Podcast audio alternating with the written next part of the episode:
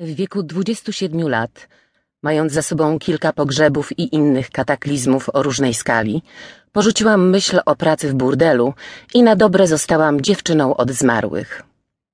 I pomyśleć, że wszystko przez moją babkę.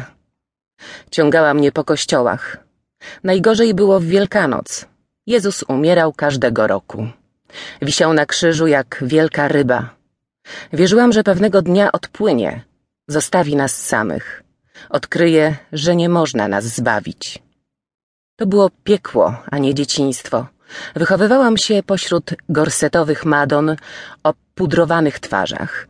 Gdziekolwiek spojrzeć, gotyckie dziewice, figury patrzące pustym wzrokiem spod gipsowych powiek, portrety w złoconych ramach, kościelne witraże mieniące się w słońcu jak barwne jaszczurki.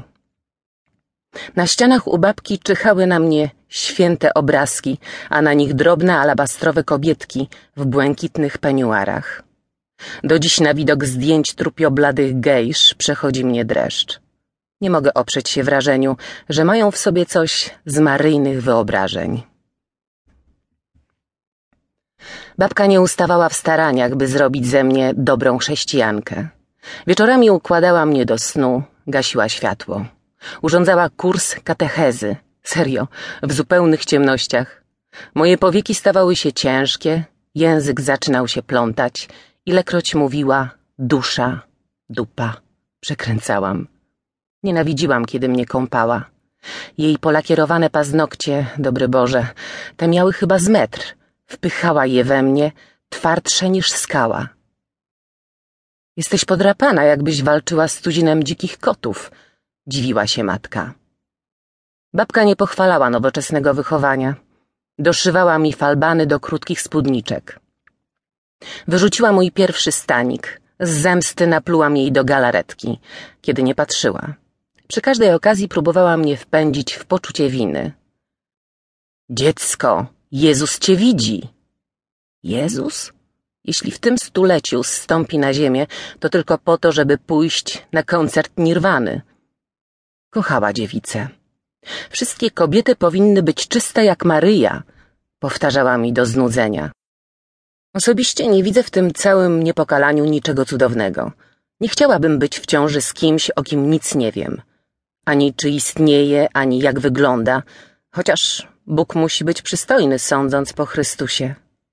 Jeśli chodzi o żelazną zasadę dziewictwo aż do ślubu, całkowicie szanuję czyjś wybór. I to był mój wybór. Przez chwilę. Babka klepała różańce, ja w pokoju obok modliłam się po swojemu. Jezusie, chroń mnie przed chłopcem, który potrząsa moim sercem jak drinkiem pinakolady z lodem.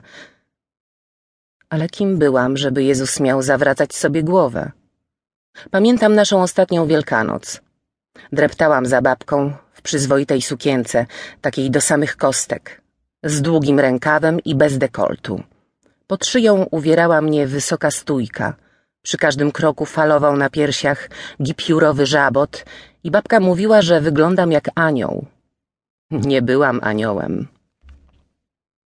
Przy wejściu do kościoła zgubiłam ją w tłumie.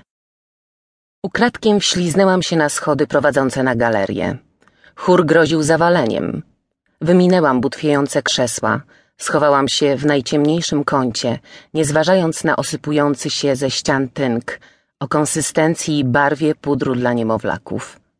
Na dole śpiewali święte hymny, ja dotykałam mojego ciała.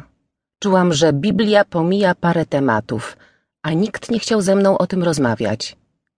Tej wiosny było mnie tak wiele, jakbym pod skórą miała rzekę, która wzbierała i nie chciała przestać. Oni modlili się na kolanach, ja, na wysokościach z ręką w majtkach, czułam, że zaraz odlecę. Ale nie odleciałam. Z trudem łapałam oddech, jakbym zbiegała ze zbocza stromej góry i za nic nie mogła się zatrzymać. Krzyknęłam, kiedy świat wybuchł we mnie. Potem w jednej krótkiej chwili zakwitło tysiąc kwiatów.